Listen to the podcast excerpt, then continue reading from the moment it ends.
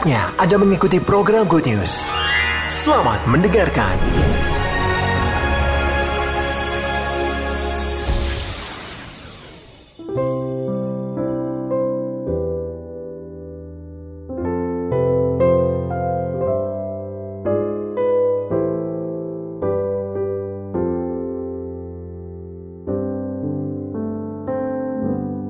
Shalom, salam sejahtera buat kita semua. Bersyukur kita ada di dalam hadiratnya, di dalam anugerahnya, kesempatan untuk kita dapat memuji dan memuliakan Tuhan. Saya percaya it's another day, it's another week, ya satu minggu lagi kita diberi kesempatan untuk dapat menikmati hadiratnya. Dan saya berdoa Bapak Ibu Saudara ketika kita ada di, di hadirat Tuhan, kita semakin hari menjadi serupa dengan Kristus Yesus Tuhan. Amin.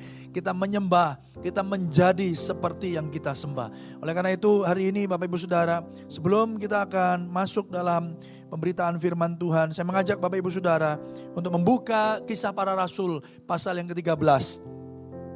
Kisah pasal yang ke-13, kisah para rasul pasal yang ke-13. Kita akan membaca dua ayat saja di ayat 47 sampai ayat yang ke-48. Karena ini menjadi tema tahunan daripada gereja ini. Mari Bapak Ibu Saudara kita baca bersama-sama 47, 48, 1, 2, 3. Sebab inilah yang diperintahkan kepada kami.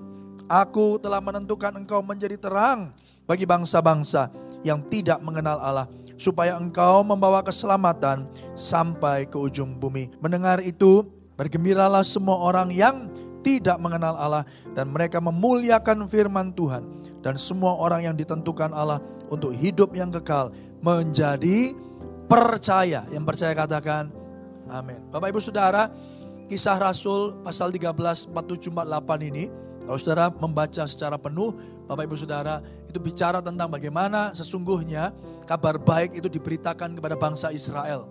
Tetapi mereka menolaknya dan pada akhirnya Bapak Ibu Saudara anugerah itu dapat saudara dan saya terima dan akhirnya dikabarkan di seluruh di seluruh penjuru bumi ini sehingga saudara dan saya yang percaya menerima Yesus sebagai Tuhan dan juru selamat boleh diselamatkan. Yang percaya katakan amin. Mari beri tepuk tangan yang meriah bagi Tuhan kita. Jadi sesuatu yang sebenarnya saudara tidak layak terima, hari ini saudara menerimanya. Tapi Bapak Ibu Saudara tidak berhenti sampai di sana saja. Dikatakan di sana aku telah menentukan engkau menjadi terang bagi bangsa-bangsa. Artinya Bapak Ibu Saudara di dalam kekristenan fokusnya adalah bukan pada diri kita sendiri. Bukan pada kelompok kita sendiri.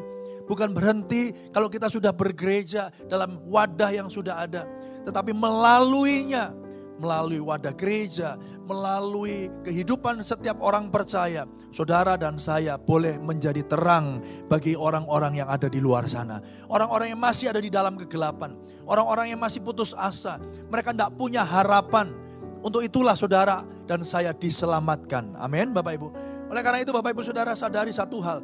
Bahwa keselamatanmu adalah untuk keselamatan kotamu. Keselamatan saudara adalah untuk sesuatu yang jauh lebih besar Keselamatan kita adalah untuk keselamatan satu bangsa. Dan apa yang di sana dikatakan saudara, ayat 48, mendengar itu, bergembiralah semua orang yang tidak mengenal Allah. Yang bergembira siapa? Orang yang tidak mengenal Allah. Bapak Ibu Saudara diharapkan melalui keberadaan Bapak Ibu Saudara, melalui kehidupan setiap orang-orang percaya yang hidupnya sudah dipanggil, ditebus, diselamatkan, orang boleh melihat terang Kristus melalui hidup saudara dan mereka boleh bergembira karena pada akhirnya mereka pun mendapatkan anugerah yang sama. Jadi orang-orang yang ada di luar sana yang masih ada di dalam kegelapan, yang masih ada di dalam ikatan, yang masih berdosa, yang tidak tahu ya mana yang baik, mana yang buruk. Mereka tidak ngerti, mereka tidak punya juru selamat. Hari ini ketika mereka melihat saudara, ketika mereka berinteraksi dengan saudara, ketika mereka ada dalam satu pekerjaan dengan saudara, ketika mereka ada dalam satu perkuliahan yang sama, maka boleh mereka melihat ada Yesus Kristus yang bersinar terang melalui hidup setiap orang percaya. Itu makna kekristenan. Itu makna daripada gereja Tuhan. Oleh karena itu Bapak Ibu Saudara, Saya percaya hari ini adalah hari yang baik untuk kita selalu mengingatkan bahwa kalau kita hari ini diselamatkan, kita boleh berkata, Ya Aba, Ya Bapa, oleh anugerahnya saja, melalui iman kepada Kristus Yesus Tuhan. Mari Bapak Ibu Saudara, biarlah anugerah itu juga boleh dapat dirasakan oleh orang-orang di luar sana. Sehingga mereka yang tidak mengenal Allah, boleh bergembira karenanya. Amin Bapak Ibu. Saudara yang dikasih Tuhan. Oleh karena itu kekristenan tidak cuma sempit. Tidak cuma bicara tentang diriku. Tidak cuma bicara tentang kepentingan kita sendiri. Saya sudah selamat, ngapain mikir orang-orang lain. Oleh karena itu di situ dikatakan bahkan mereka tidak hanya bergembira Bapak Ibu. Mereka memuliakan firman Tuhan. Orang yang tidak percaya, orang yang ada di luar kekristenan. Orang yang tidak mengenal Allah. Mereka bergembira melihat Bapak Ibu Saudara menjadi berkat. Tapi berikutnya mereka memuliakan firman Tuhan mereka hidupnya juga memuliakan Yesus Kristus Tuhan. Ini penting, ini perlu digarisbawahi. Sudahkah hidup Bapak Ibu Saudara juga sudah mempermuliakan Tuhan. Di dalam segala perkara. Kekristenan itu tidak bisa dikotak-kotakkan. Hari ini saya ke gereja, besok saya kerja, itu lain cerita. Tidak bisa saudara. Saudara Kristen hari Minggu, saudara Kristen hari Senin, saudara Kristen hari Selasa, sampai hari Minggu lagi. Saudara tetap Kristen, artinya pengikut Kristus di mana pun saudara berada. Saudara membawa terang Tuhan di dalam kehidupan saudara. Apa pun latar belakang dan profesi saudara, terang itu ada di dalam hidupmu. Amin. Nah oleh karena itu Bapak Ibu Saudara, saya mengajak Bapak Ibu Saudara untuk masuk lebih dalam di dalam pembacaan firman Tuhan yang akan diambil dari Yohanes pasal yang ke-12. Ya, Yohanes pasal yang ke-12. Saya beri judul Living for His Glory. Bapak Ibu Saudara yang sudah mengikuti uh, doa malam secara online, Bapak Ibu Saudara juga dapat mengikutinya uh, dan ada beberapa hal yang ditambahkan hari ini tapi saya rindu ini tidak hanya bagi teman-teman yang mengikuti di ibadah online hari Kamis saja, tapi juga uh, dapat diterima oleh larger audience ya, jemaat yang lebih luas. Oleh karena itu mari kita sekarang membaca Yohanes pasal yang ke-12. Oke, ayo kita baca sama-sama. Saya mohon bantuan kita untuk membacanya. Ayat 27 sampai ayat yang ke-36. Saudara siap? Amin. Satu, dua, tiga.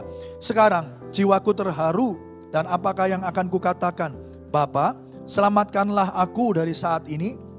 Tidak, sebab untuk itulah aku datang ke dalam saat ini. Bapa, muliakanlah namamu. Maka terdengarlah suara dari sorga. Aku telah memuliakannya dan aku akan memuliakannya lagi. 29, orang banyak yang berdiri di situ mendengarkannya dan berkata bahwa itu bunyi guntur ada pula yang berkata, seorang malaikat telah berbicara dengan dia. Jawab Yesus, suara itu telah terdengar bukan oleh karena aku, melainkan oleh karena kamu. 31. Sekarang berlangsung penghakiman atas dunia ini. Sekarang juga penguasa dunia ini akan dilemparkan keluar. Dan aku, apabila aku ditinggikan dari bumi, aku akan menarik semua orang datang kepadaku ini dikatakannya untuk menyatakan bagaimana caranya ia akan mati.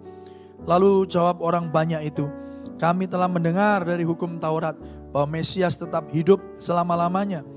Bagaimana mungkin engkau mengatakan bahwa anak manusia harus ditinggikan? Siapakah anak manusia itu? Kata Yesus kepada mereka, hanya sedikit waktu lagi terang ada di antara kamu. Selama terang itu ada padamu, percayalah kepadanya supaya kegelapan jangan menguasai kamu.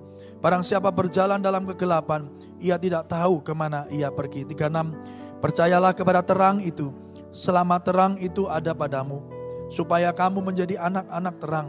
Sesudah berkata demikian, Yesus pergi bersembunyi dari antara mereka. Amin. Bapak Ibu Saudara yang dikasih Tuhan, ini adalah awal dari bagaimana Tuhan Yesus itu mengajar murid-muridnya. Ya, jadi sepanjang pasal 12 sampai pasal 17, Yesus itu mempersiapkan murid-muridnya untuk nantinya mereka boleh pergi dan memberitakan Injil. Itu juga berarti mengingatkan kita bahwa kita, Bapak Ibu Saudara dan saya, kita bukan orang-orang sempurna. Kita butuh diubahkan, kita butuh dididik. Melalui kesempatan ini saya kembali mengingatkan kepada Bapak Ibu Saudara Bahwa tidak cukup Bapak Ibu Saudara cuma datang hari Minggu untuk dapat mengalami pertumbuhan.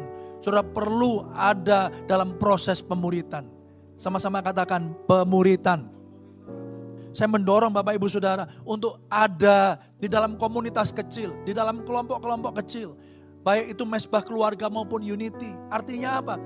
Tuhan mempersiapkan kita untuk sesuatu. Tuhan rindu kita dipersiapkan. Tuhan rindu kita dididik. Kita diajar. Kita belajar tentang dia. Kita mengenal Tuhan lebih lagi.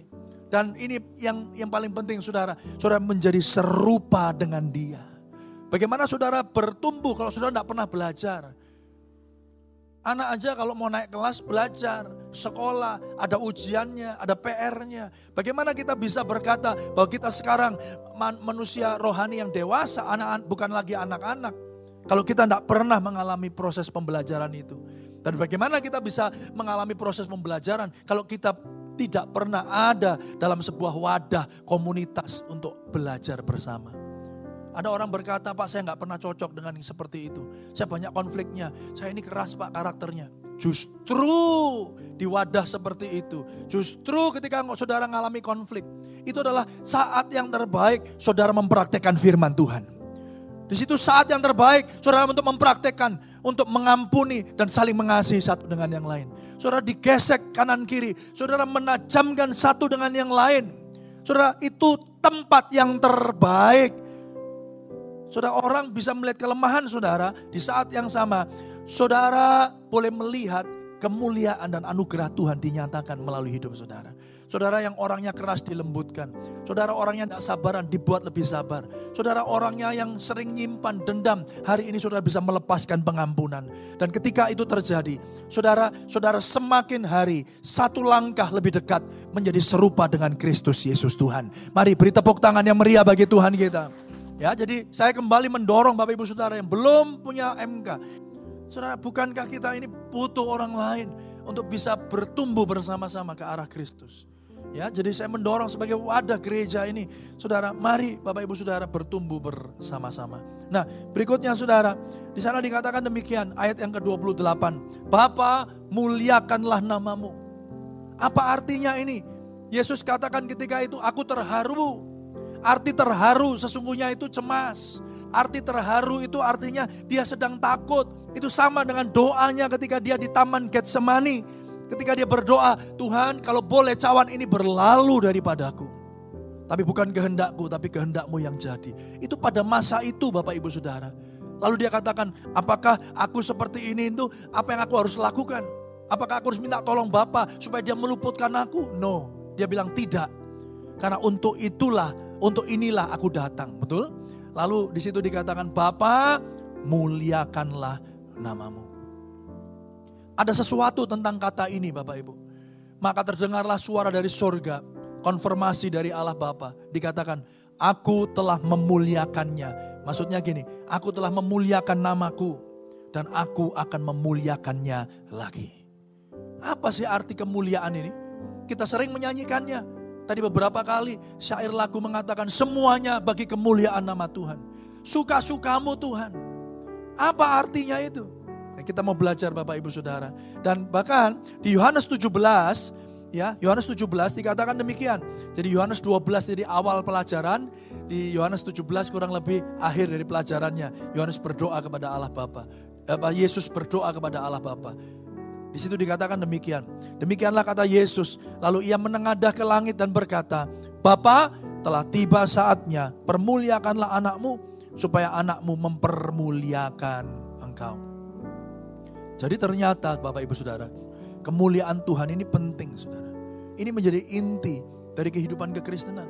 Inti dari semuanya apa yang saudara dan saya alami di dunia ini adalah untuk kemuliaan Tuhan. Ya, oleh karena itu saudara, kembali di slide di sana dikatakan saudara inti dari kemuliaan, inti dari semuanya adalah untuk menyatakan kemuliaan Allah. Nah, Bapak Ibu Saudara, kalau kita baca 1 Korintus pasal yang ke-10 ayat yang ke-31, di sana dikatakan, aku menjawab jika engkau makan atau jika engkau minum, ya, atau jika engkau melakukan sesuatu yang lain, lakukanlah semuanya itu. Apa Bapak Ibu Saudara? Untuk kemuliaan Allah. Ya. Jadi ini tadi saya ngomong ya, inti dari semuanya adalah untuk menyatakan apa? Kemuliaan Allah. 1 Korintus 10, 31 memberikan konfirmasi itu. Pertanyaannya begini, kita sering mendengarnya, kita sering melakukannya. Ada di syair-syair lagu kita, ada di dalam firman Tuhan. Bahkan firman Tuhan katakan gini, aku sudah memuliakannya dan aku akan memuliakannya lagi. Tapi pertanyaannya arti memuliakan Allah itu apa? Arti kita memuliakan Allah ini apa? Mari kita sekarang belajar Bapak Ibu Saudara. Yang pertama, saudara, cepat saja. Bahasa Yunani, eh, bahasa Ibrani, lalu nanti ada bahasa Yunani. Bahasa Ibraninya begini, artinya kemuliaan Allah. Itu artinya kabot. Ada dua ya. Kabot itu artinya weight, heaviness, atau berat, saudara. Yang satunya matter atau important. Saya ulangi, kabot itu bahasa Ibrani, di sana dikatakan weight. Yang kedua itu matter atau penting. Makanya Bapak Ibu Saudara, kemuliaan atau glory itu ya, kemuliaan itu berat. Tidak untuk diterima oleh oleh oleh orang sembarangan, bahkan oleh orang seperti kita. Itu diperuntukkan untuk Tuhan. Makanya kalau saudara pelayanan sudah dipuji, ya mentor saya katakan jangan senang kalau kamu dapat pujian. Kenapa? Karena semuanya itu sesungguhnya hanya untuk Tuhan. Yang percaya katakan amin. Saudara. Kenapa? Karena abot, saudara. berat. Saudara dipuji itu berat saudara. Wah, WL-nya minggu ini keren. Keren, penuh dengan urapan. Aduh, saya ngalami hadirat Tuhan. Kalau WL dipuji begitu, hati-hati saudara. Kenapa? Berarti engkau diberi tanggung jawab, diberi ekspektasi bahwa kalau minggu depan kamu tugas lagi, kamu harus sebagai sekarang atau lebih bagus. Betul? Dan yang kedua, saudara, sebenarnya apa yang kau harus lakukan adalah semuanya itu untuk Tuhan puji Tuhan, kemuliaan bagi Tuhan. Kenapa? Karena kalau itu saudara terima sendiri, berat. Banyak orang jatuh bukan karena diejek. Banyak hamba Tuhan jatuh karena dia dipuji. Kenapa? Tidak kuat saudara. Ya, tidak kuat. Dan akhirnya apa? Orang yang yang yang seperti itu nagih saudara. Kok aku nggak dipuji lagi? Kok aku nggak dipuji lagi? Ini bahaya. Makanya wait Beban itu, itu artinya kabot, itu kemuliaan. Yang kedua, matter, penting. Jadi kalau saya simpulkan dengan sangat sederhana, dikatakan begini, Tuhan itu mulia. Dia adalah yang paling penting dan mengambil seluruh aspek dalam hidup saudara. Yang percaya katakan amin. Tuhan itu penting. Tuhan itu bukan cuma cadangan. Karena ini yang saya temukan, beberapa orang percaya menganggap Tuhan itu hanya cukup penting dan hanya datang kepadanya ketika kita sedang menghadapi masalah. Dan bagi mereka, Tuhan itu berguna saja dan hanya sebagai ban cadangan, ban serep ketika kita membutuhkannya. Berapa banyak kita Bapak Ibu Saudara, makanya tadi saya katakan hati-hati, kita pun sebagai orang tua kadang-kadang meneladankan sesuatu yang keliru kepada anak cucu kita. Kita mengajarkan kepada mereka, hei nak kamu mau ujian ya, jangan lupa doa. Ayo doa, doa ayo sekarang, ayo sama sama ayah, sama papa. Ayo doa, doa, besok ujian kok. Ayo doa. Sepertinya tidak ada yang salah. Tapi kalau saudara hanya melakukan hal tersebut ketika mereka mau ujian, itu sedang memberi pesan kepada anakmu bahwa kalau tidak ujian, perlu berdoa? Gak perlu. Om papa ngajak eh berdoa waktu aku mau ujian. Doa. Tuhan jadi ban serep. Kalau besok mau ada wawancara kerja, ayo minggu ini kita puasa. Artinya apa? Saudara baru mau akan serius dengan Tuhan kalau saudara ada butuhnya. Itu tidak kabot saudara. Kemuliaan Tuhan itu menempatkan dia pada posisi yang terpenting dalam hidupmu. Saudara yang dikasih Tuhan. Kenapa? saya katakan tadi orang tua kepada anak-anaknya. Karena orang tua kita semua sadar bahwa anak kita tidak akan selalu mendengarkan perkataan kita. Tetapi mereka akan dan hampir selalu meneladani tingkah laku kita. Betul Bapak Ibu? Anak kita kita suruh mandi, ya. Mamanya bilang, "Ayo mandi, Nak, sudah sore." Ya. Kalau itu nada dasarnya masih ya do sama dengan C, ya. Ya, ayo mandi gitu. Nggak akan mandi, sudah nanti naik lagi. Ya, naik lagi nadanya ganti. Ayo mandi. Nah, sudah mulai bergerak tapi juga tidak mandi lagi. Tapi kalau nanti oktav oktavnya itu udah yang paling tinggi, do do do gitu ya, mandi. Apalagi ada vibrasinya gitu ya. Oh, ini mama serius ini, baru mandi. Guduk guduk guduk guduk mandi. Bener nggak saudara? Bener nggak ibu-ibu, bapak-bapak? Herannya mereka tidak selalu mengikuti perkataan kita, tapi hampir selalu mereka mengikuti tingkah laku tindakan kita. Betul nggak? Mamanya langsung ngomong kayak papanya, hm, lihat anakmu itu loh, cara makannya, hm, duduk itu loh, hm, peningkerangannya, kayak sopo, iya kok sopo ya, ya kayak kamu. Tidak pernah diajarin, tiba-tiba ngikut sendiri. Oleh karena itu hari ini bapak-bapak, ibu-ibu, para orang tua, hati-hati. Siapa Tuhan bagi saudara? itu akan berpengaruh bagi anak-anak saudara. Mereka cara mereka melihat Tuhan. Kalau saudara dan saya melihat Tuhan hanya karena dia berguna, datang hanya karena dia kita butuhkan di saat-saat penting dalam hidup kita, lalu kita lupakan dia. Seorang ayah berkata, ayo kita sekarang ke gereja. Kenapa? Ini papa usahanya lagi susah ini tahun yang sulit. Ayo kita berdoa berpuasa. Ayo Sabtu kita ke gereja. Minggu kita ke gereja. Dua kali ibadah. Kita sungguh-sungguh berdoa. Minta Tuhan memberkati kita. Pas sudah diberkati, anaknya bilang, Pak ini Sabtu, ayo kita ke gereja. Ayo enggak, enggak, enggak, wis. kita ke batu, ayo enak ini. Mumpung enggak hujan ini, nah ayo ke batu, ayo wis. Duh, Pak dulu kok ke gereja sekarang enggak loh ya dulu kan kita masih sulit, Papa enggak punya uang. Sekarang Bapak bisa beli, beliin apa aja. Kamu minta apa nak? Minta apa nak? Saudara, ini sesuatu yang menjadi peringatan buat setiap kita, termasuk saya. Kabot, kemuliaan Tuhan, itu artinya engkau menempatkan Tuhan pada posisi yang terpenting dalam hidup saudara. Timothy Keller berkata, agama itu menganggap Tuhan itu cuma berguna. Tapi Injil itu akan menganggap dia berharga. Bapak Ibu datang ke gereja. Janjian main golf lebih penting daripada ke gereja. Janjian dengan bos kita atau teman kita, ya itu kita anggap lebih penting daripada prioritas kita datang kepada dalam kepada hadirat Tuhan. Saudara, ini tidak main-main, saudara. Tuhan itu datang dengan segala keagungannya, menciptakan saudara dan saya, bahkan Dia menebus kita kemuliaannya itu artinya he is the most important person. V, V, V, V, V, V, bukan VV, namanya VV ada sini. VVIP, very, very, very, very important person. Itu yang pertama. Yang kedua, saudara, kemuliaan Allah artinya doksa. Makanya di gereja banyak sering kali kita dengar doksologi. Doksologi itu artinya ya memuliakan Allah. Makanya teman-teman WL selalu saya ingatkan hati-hati dengan pujian dan syair, dengan lirik. Jangan cuma menyenangkan diri sendiri. Banyak gereja akhirnya menganggap pujian penyembahan itu Bapak Ibu Saudara itu yang enak terdengar di telinga. Padahal sesungguhnya pujian dan penyembahan itu fokusnya bukan telinga kita, bukan hati kita, bukan perasaan kita. Kalau saudara mau menyenangkan telinga perasaanmu sendiri, nggak usah repot-repot pergi ke gereja.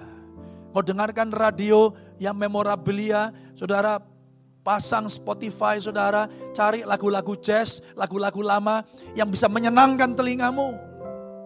Tapi ketika engkau ke gereja, ketika engkau menyembah dia, fokusnya bukan manusianya, tetapi Tuhan yang kita sembah. Makanya namanya doxologi. Menganggap Tuhan itu indah, wonder, beauty, luminosity Artinya apa? Luminosity itu berkilauan, indah, dan menjadi daya tarik bagi saudara. Seperti anak kecil yang doyan permen, tiba-tiba udah lama tidak dapat permen. Seperti dulu waktu masih saya masih kecil saudara, permen itu tidak dibiarkan sembarangan. Kalau hari ini Bapak Ibu Saudara, ada banyak anak-anak kena gula, benar, benar ya, kena diabetes saudara. Ada 14 sekian persen atau bahkan berapa persen saya lupa beritanya saudara. Data menunjukkan hari ini mulai dari kecil sudah mulai diabetes. Kenapa? Karena lost control saudara. Minuman-minuman manis semua. Permen, waduh. Zaman dulu saya untuk dapatkan permen itu harus nyuri-nyuri nyolong-nyolong. Ambil apa? Karena permennya ditaruh di lemari. Lemarinya dikunci, kuncinya disembunyikan saudara. Tapi namanya anak, ya problem solver, cari cari apa? Cari uh, ini menyelesaikan masalah. Saya bilang kalau lemarinya dikunci, berarti harus cari kuncinya. Dapat kuncinya, dapat permennya. Haleluya. Untuk dapat permen aja, weh, itu satu bulan satu kali belum tentu, saudara. Pas dibuka ibu saya kaget, loh rasanya kok lebih enteng ya sekarang ya. itu pun kita masih curi-curi. Saudara yang dikasih Tuhan. Tapi ketika anak kecil itu yang senang permen itu. Dapat permen, wah matanya langsung berubah berkilauan, dia tertarik. Tuhan, eh papa aku mau permen itu, bener nggak? Nggak tahu sekarang yang lagi ngetren apa, mungkin permainan, game.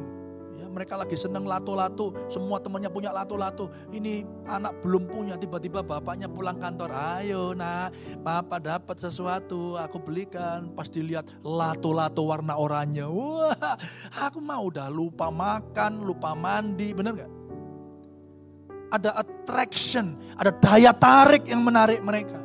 Itu beauty, itu luminosity, ada berkilauan. Saudara, Tuhan dimuliakan, itu artinya ketika kita melihat dia, kita melihat dia itu yang paling indah, yang berkilauan, sehingga hati kita terpikat olehnya. Pertanyaannya Bapak Ibu Saudara yang dikasih Tuhan jemaat, apakah Yesus masih berkilau di hadapan saudara? apakah Yesus yang masih paling indah bagi hidup Bapak Ibu Saudara. Bapak-bapak, ibu-ibu, dulu waktu pacaran, wah, melihat pacar saudara pasangan kita, mau jadi suami, mau jadi istri, huh, luar biasa. Wakuncar, waktu kunjung pacar, luar biasa. Waktu harinya tiba, ya janjiannya jam 7, jam 4 udah beres-beres. Udah mandi, udah pakai pomade, pakai sisir di saku celana saudara ya, zaman dulu kan ya. Wah, pakai baju yang terbaik, disetrika saudara.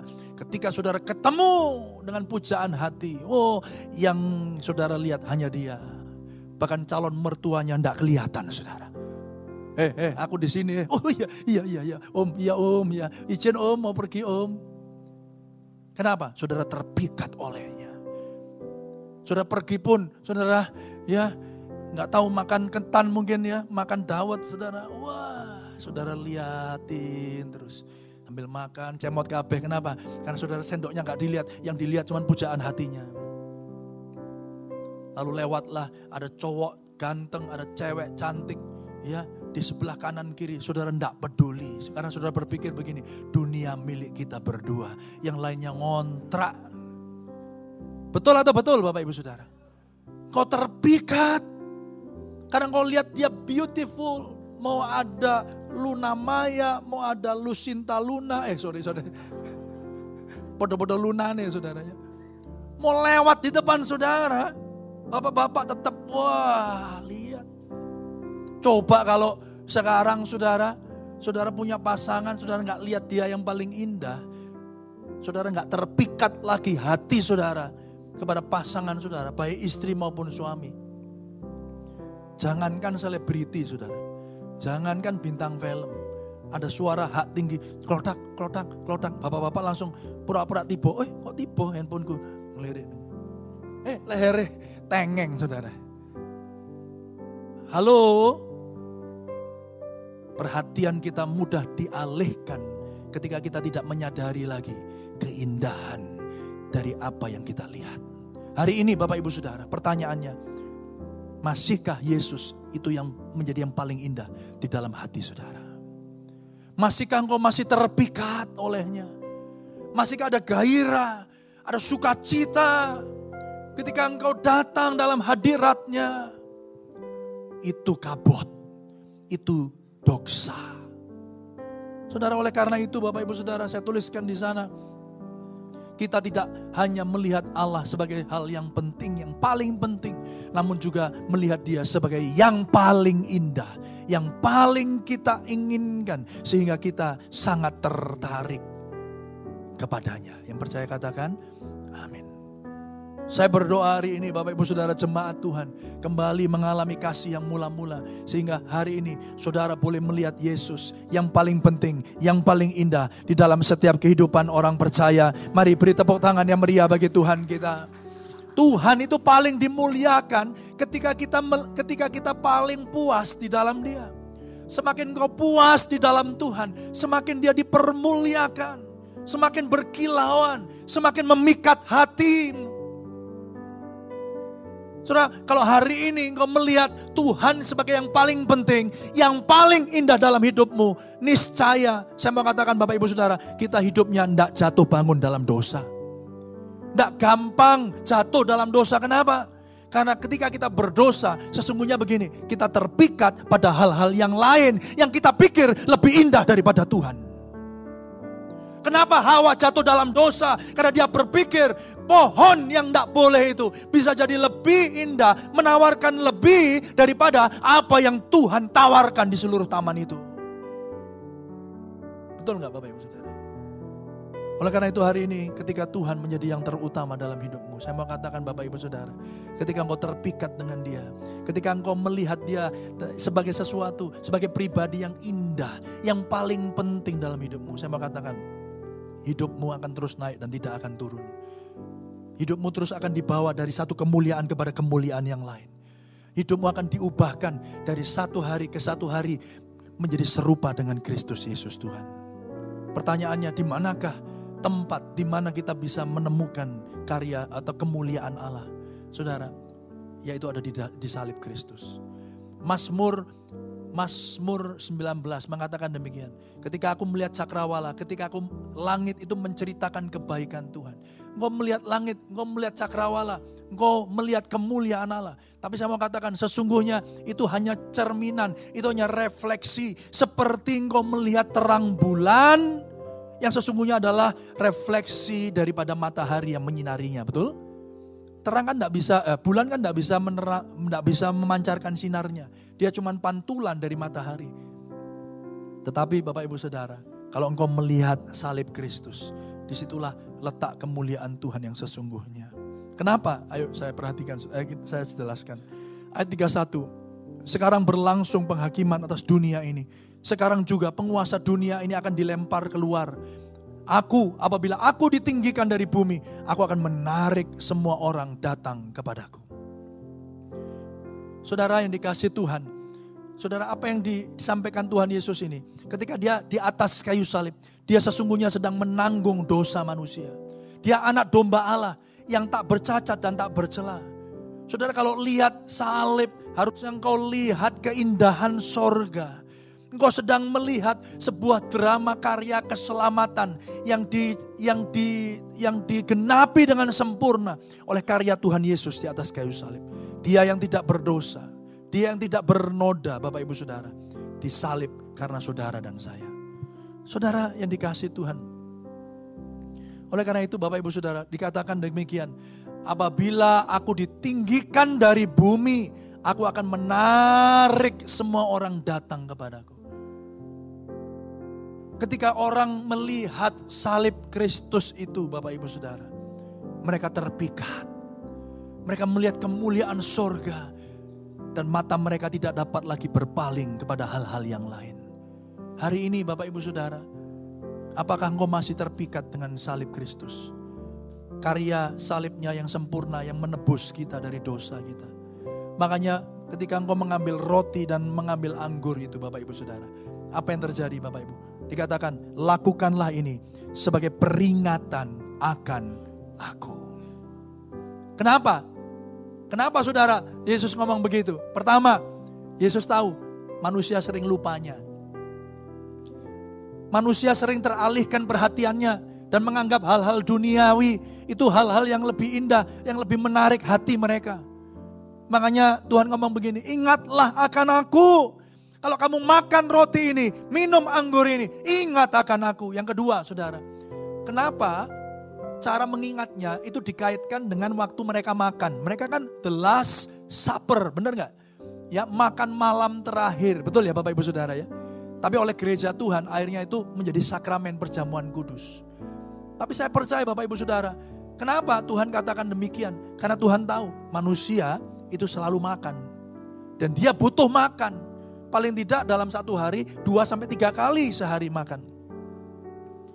Jadi ketika saudara makan, saudara ingat kembali karya salib Kristus. Kenapa? Karena di situlah letak kemuliaan Tuhan dinyatakan. Itulah inti dari kehidupan kekristenan. Yesus terpisah dari Bapaknya. dan dilemparkan dalam maut. Di sanalah kemuliaan Allah dinyatakan. Ini sebuah kisah romantisme kerajaan sorga yang sedang dipertontonkan kepada setiap saudara. Untuk bercerita bahwa saudara dan sayalah yang diselamatkan Allah. Keren kan? Keren banget ini saudara. Hari ini Bapak Ibu Saudara, kalau bapak-bapak terharu nonton film, ibu-ibu nonton film terharu. Aduh, kenapa mak kok nangis? Waduh, itu pangerannya udah ganteng, gentleman. Waduh, rela mati buat si putri. Wih, datang menyelamatkan pakai kuda putih. Seandainya Pak, Papa dulu datang naik kuda. Bener ya? Kita sering tersentuh dengan film-film yang seperti itu. Film-film kepahlawanan. Bagaimana seorang pahlawan rela mati untuk menyelamatkan satu kota, satu komunitas. Bagaimana anak-anak muda terpikat dengan Avengers, dengan DC Comics. Saudara, wah ini pahlawan super. Saudara, ada satu pahlawan yang harusnya memikat hatimu Bapak Ibu Saudara. Yaitu seorang anak manusia yang tidak berdosa, dijadikan dosa bagi karena saudara. Dia yang tidak bernoda, dijadikan berdosa karena dosa dan pelanggaran saudara. Dia yang tidak sakit dibuat sakit supaya sakit saudara disembuhkan Allah. Bukankah itu sebuah cerita, sebuah kebenaran, sebuah kenyataan, sebuah keindahan yang patut saudara syukuri. Amin saudara. Oleh karena itu bagaimana sekarang kita mempermuliakan Tuhan. Bagaimana sekarang? Kalau kita tahu Yesus sudah melakukannya bagi kita. Hari ini bagaimana engkau melakukan atau memuliakan Allah? Kita bisa meneladani apa yang Tuhan Yesus katakan. Dikatakan dia, dia aku terharu. Bahasa Indonesia masa kini dikatakan aku cemas. Apa yang aku harus katakan? Haruskah aku mengatakan Bapak tolong aku? Tidak. Ya, tapi di gini, dia berkata begini, Bapak muliakanlah namamu. Dia tidak minta tolong bapaknya supaya meluputkan ini daripada kehidupannya. Tetapi dia minta biarlah melalui hidupku. Biarlah melalui penderitaan dan matiku. Nama Bapa dipermuliakan. Demikian juga saudara dan saya. Bagaimana hidupmu bisa mempermuliakan Tuhan Bapak Ibu Saudara. Bukan hanya ketika engkau diberkati saja. Tetapi ketika engkau sakit. Ketika engkau hari ini sedang mengalami penderitaan. Ketika Bapak Ibu hari ini sedang ada di dalam pergumulan kata pertama dalam doamu. Bukan minta supaya sakitmu disembuhkan. Bukan minta supaya pergumulanmu diselesaikan. Tapi berkatalah demikian. Bapa, muliakanlah namamu melalui pergumulan-pergumulanku. Bapa, muliakanlah namamu melalui penderitaan dan sakitku. Dan saya percaya kalau itu terjadi Bapak Ibu Saudara. Melalui cerita hidup Saudara. Nama Tuhan ditinggikan. Amin Bapak Ibu Saudara. Dan dia yang sudah memuliakan namanya, dia akan memuliakannya lagi melalui hidup saudara. Supaya apa? Supaya dia menarik kembali banyak orang datang kepadanya. Jangan mengasihani diri saudara. Tapi berdoalah demikian. Bapak, aku tidak tahu kenapa sakit ini ada padaku. Aku tidak tahu kenapa aku harus menderita seperti ini. Aku tidak tahu kenapa aku harus bergumul hari ini. Tapi biarlah Tuhan melalui apa yang aku alami, Engkau mempermuliakan namamu. Kenapa? Bersemangatlah saudara. Karena engkau melihat karya salib Kristus yang sempurna. Itulah sumber kekuatan saudara. Itulah hal yang paling indah dalam hidup saudara. Saudara, sakit disembuhkan senang enggak? Senang enggak? Ada pergumulan dibereskan Tuhan, senang enggak? Senang. Tapi pernahkah kita berpikir, bahwa ada begitu besar masalah kita yang seharusnya kita hadapi. Hari ini telah dibereskan Tuhan melalui karya salibnya. Saudara yang dikasih Tuhan, agar supaya apa? Ayat 36 digenapi. Percayalah kepada terang itu. Selama terang itu ada padamu. Supaya kamu menjadi anak-anak terang. Jadi ketika ada masalah, jangan takut saudara. Jangan gentar, jangan mengasihani diri.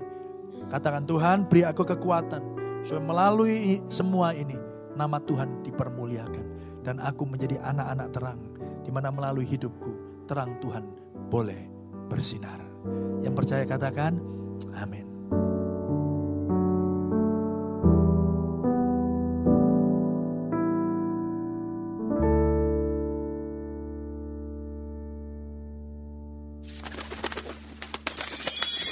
Terima kasih untuk Anda yang sudah mendengarkan program Good News yang dipersembahkan oleh Radio Sejahtera. Untuk Anda yang rindu mendapatkan layanan konseling dan dukungan doa, silakan menghubungi hotline 0812 33 33 6392. Para konselor dan para pendoa Diaspora Sejahtera Caring Ministry siap untuk melayani Anda. Tuhan Yesus memberkati.